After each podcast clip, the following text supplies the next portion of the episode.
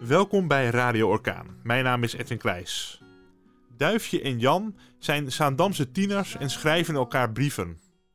Deze vrijdag, in de week dat we de Tweede Wereldoorlog herdenken, komt er een bijzonder kinderboekje over hen uit, met prachtige illustraties.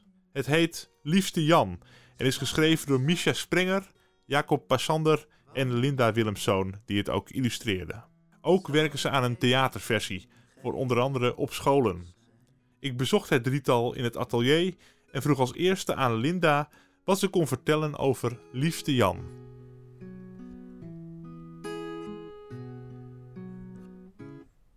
Dat is de aankondiging van een brief uh, van mijn oma aan mijn opa. En dan begon ze natuurlijk met Liefste Jan. Mhm. En uh, ja, dat is eigenlijk voor mij het begin van alles. Doordat zij uh, die brieven aan mij liet lezen, al een hele tijd geleden, ik denk iets van 17 jaar geleden. En zo lang ben ik al met brieven bezig. Ik werd gevraagd voor een kindervoorstelling te maken in uh, Meppel. En het ging over de Tweede Wereldoorlog. En toen dacht ik, ja, dit, dit moet iets met dit brieven worden. Ja, want het is mij bekend dat je al langer liefdesbrieven verzamelt. Dus als het op je pad komt, dan is het ook heel bijzonder als je liefdesbrieven hebt van je eigen grootouders. Wanneer heb je die voor het eerst gelezen? Toen ik begon met verzamelen, was ik denk ik begin twintig. voor, voor mijn scriptie die ik aan het schrijven was. De verloren romantiek van het geschreven woord. lekkere twintiger. Uh, moet ik zelf van lachen hebben.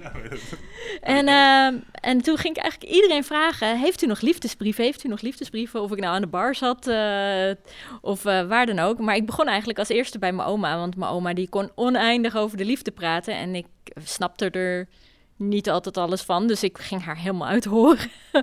en toen vroeg ik dus ook aan haar: Heeft u nog liefdesbrieven? En toen, uh, ze was al in de tachtig, uh, klom ze op haar uh, keukentrapje zo hoge kast. ik zei: Oh, wat heb ik nou weer gedaan? En. en hij hadden ze een hele doos vandaan met dus liefdesbrieven van mijn opa en oma. En dat wist ik dus niet. ja, mijn opa leefde toen al niet meer. Dus toen kwam dat tevoorschijn.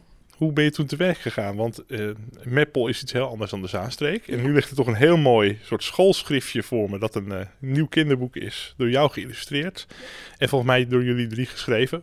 Uh, hoe is dat zo ontstaan? Hoe ben je verder gegaan? nou, die liefdesbrieven die zitten altijd, die draag ik altijd bij me of zo. Een soort rode draad geworden. Dat had ik nooit verwacht. Maar ja, sowieso schrift en schrijven en correspondentie en alles met post eigenlijk. Een beetje, ja, een soort fascinatie toen ik voor dit project gevraagd werd, dacht ik, nou ja, uh, eerst was de bedoeling dat je het alleen zou doen, maar ik vind het eigenlijk veel leuker om samen te werken. Want als illustrator ben je al best wel vaak alleen en kan je best wel in je eigen wereld verdwalen, wat ook het allerlekkerste is in de wereld. Maar ik, daardoor werk ik graag samen met anderen om gewoon uh, dat contact te houden. En Micha en ik waren veel met elkaar toen uh, in de weer.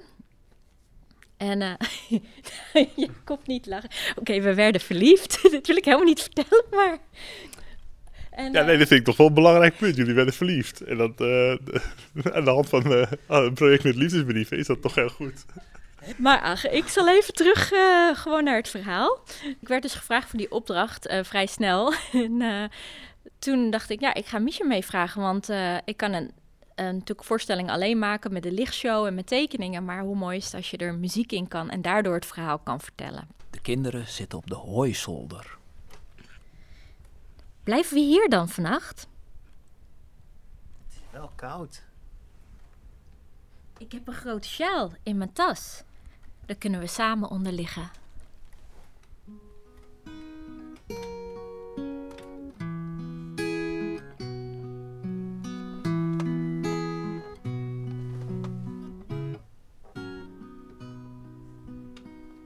Sluit je ogen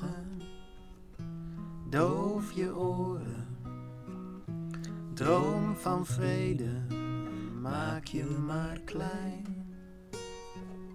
Slaap zacht, want vannacht zal het even geen oorlog zijn.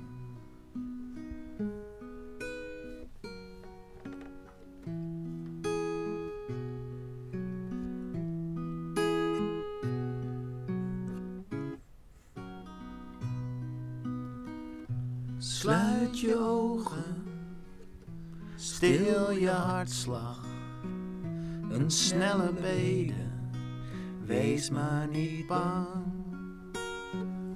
Slaap zacht, want vannacht zal het even geen oorlog zijn. Ja, want de muziek eh, bij dit project is van, eh, van jouw hand, Misha. Ehm, wa- wa- waar, heb je je door laten inspireren? Natuurlijk die brieven en die verhalen erin, maar had je gelijk al een klank in je hoofd die je hoorde bij, bij die verhalen? Ja, dat gaat altijd bij mij wel vanzelf of zo. Ja. Als ik gewoon eh, iets hoor, dan eh, heb ik wel meteen een idee van hoe ik daar mooie, sfeervolle muziek bij kan maken. En ik heb zo'n loopstation heb ik toen gekocht. Dat je een soort van laagjes muziek kan maken. Dan kan je echt een eh, heel orkest kan je in je eentje met één gitaar kan je maken. Nou ja, dat was een beetje het idee. En toen hebben we samen het verhaal verzonnen met de muziek. En op een gegeven moment waren we met Jacob in een ander project bezig. En toen dachten we, nou, misschien hoort Jacob er ook gewoon bij. Die moeten we er ook bij vragen. Ja, want Jacob, eh, ja, we kennen jou natuurlijk eh, in de zaanstreek van heel veel eh, projecten. Dus hierbij ben je ook weer aan de haren bijgesleurd. nou ja, veel haren zitten er niet meer op het hoofd. Maar is een groot woord. Maar ja, nee, nee, we hadden inderdaad met City Coyote hadden we natuurlijk samenwerking. En toen waren hun hiermee bezig. En toen hadden ze zoiets van, Jacob, wil je wat vragen? Nou, legendarische antwoord zei ik, zeg, bijvoorbeeld ja. En nou ja, dat was dit project. En ik heb toen inderdaad eigenlijk natuurlijk gekeken van, ja, wat is mijn, mijn aandeel dan? Hè? Meer eer- in eerste instantie de, als verhalenverteller. En toen kwam er eigenlijk een eh, het karakter van een straathond eh, kwam erbij, als een soort, soort parallel verhaal. En dat was eerst heel uitgebreid en langzaam is dat eigenlijk, ja, is het één verhaal geworden. En in de Zaanse versie is het eigenlijk nog meer bij elkaar gekomen, omdat we de hond ook Beertje noemen naar de, de hond van jouw opa. Die ook echt, eh, dus, dus eigenlijk ja, is het verhaal daardoor nog realistischer geworden. En uh, ja, en, ik, en het leuke was van, ik heb altijd wel, ik heb wel poppenkast gedaan en dat soort dingen ook, maar nooit echt poppentheater, terwijl ik dat ook altijd wel heb willen doen. Opeens hadden we zoiets, die het karakter van mijn hond, dat moet toch een pop worden. Dus toen heb ik die pop gemaakt met bewegende mond en dat was heel leuk. Dus op de een of andere manier kwam daar ook weer heel veel dingen bij elkaar. En die voorstelling uh, die gaat in de toekomst ook weer uh, in Zaandam komen. Hè? Uh, even op zaken vooruitlopen, dat ja. is nu niet... En dan de Zaanse versie natuurlijk. De Zaanse ja. versie. Ja. En, um, maar nu eerst is er het, het boek. Dit is een beetje een schoolschriftje geworden. Hoe, waarom is dit een schoolschriftje geworden? Ja, ik vind het mooi als ik iets maak, het zo authentiek mogelijk te maken of naar de geschiedenis. En ik had het oude schoolschrift van mijn oma uit 1934. Toen ik uh, hier in mijn atelier had ik open atelier samen met Misha. En toen kwam eigenlijk Jan de Bruin langs. Um, en uh, toen vertelde ik dat ik een kinderboekje aan het maken was. En toen zei hij eigenlijk van ik heb een fonds. Um, en ik zou heel graag jullie willen helpen met dit boekje.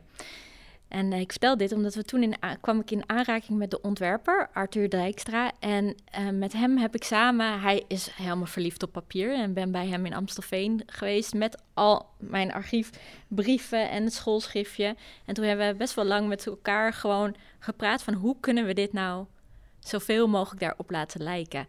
Want hij, hij heeft ook een fascinatie ervoor en we wilden het gewoon zo echt mogelijk als het schriftje uit 1934 uh, laten lijken. Dus uh, zo zijn we op zoek gegaan hoe dat mogelijk kon zijn. En die illustraties zijn prachtig, uh, kleurrijk, uh, spreekt wel tot de verbeelding, heel veel sfeer zit erin. Dus ja, ik kan me ook voorstellen als je die heel groot ziet bij een voorstelling, dat het ook wel heel erg indruk maakt. Want jij maakt dan lichtbeelden ervan, hè? Ja. Uh, ja, ja, de tekeningen worden geprojecteerd. Nou, ik heb een analoge lichtshow, dus ik maak ze eigenlijk, uh, laat ik ze 3D worden. Dus ze komen in beweging. Ja, dat klinkt een beetje gek misschien als ik het zo vertel, maar je ziet eigenlijk de tekening geprojecteerd. En daaroverheen uh, creëer ik met de lichtshow effecten, zoals een sterrenhemel, onweer, het schip dat bijna gaat zinken. En uh, natuurlijk ook als Misha de onweer uh, op zijn gitaar laat rachen. en uh, Jacob uh, Deusen gaat vertellen, laat ik alle be beelden weer schudden. En zo spelen we met elkaar, met de technieken. Ja. Wat je heel erg merkt is dat het verhaal van de Tweede Wereldoorlog is aan de ene kant zo vaak al verteld en zo vaak al bijna oneerbiedig herkoud, zeg maar.